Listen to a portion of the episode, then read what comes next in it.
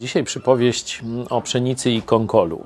Na pewno ją znacie, że dobry gospodarz zasiał pole, obsiał pole pszenicą, poszedł spać, a w nocy przyszedł jego wróg i wsiał mu konkol.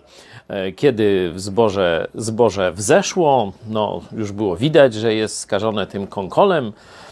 Ci przyjaciele czy słudzy pana no mówią, zobacz, co się stało, no zasialiśmy dobre, a tu konkol między tym dobrem. No i ten gospodarz odpowiada, że to przyszedł jego wróg zły i to zrobił. Dalej jest problem, jak rozwiązać sytuację, ale ja na co innego chciałem zwrócić uwagę.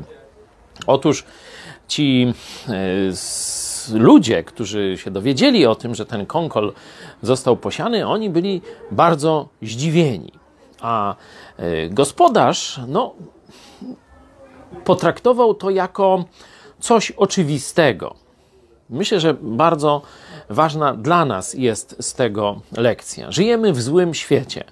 Są źli ludzie, mamy wrogów, lepszych, gorszych i tak dalej.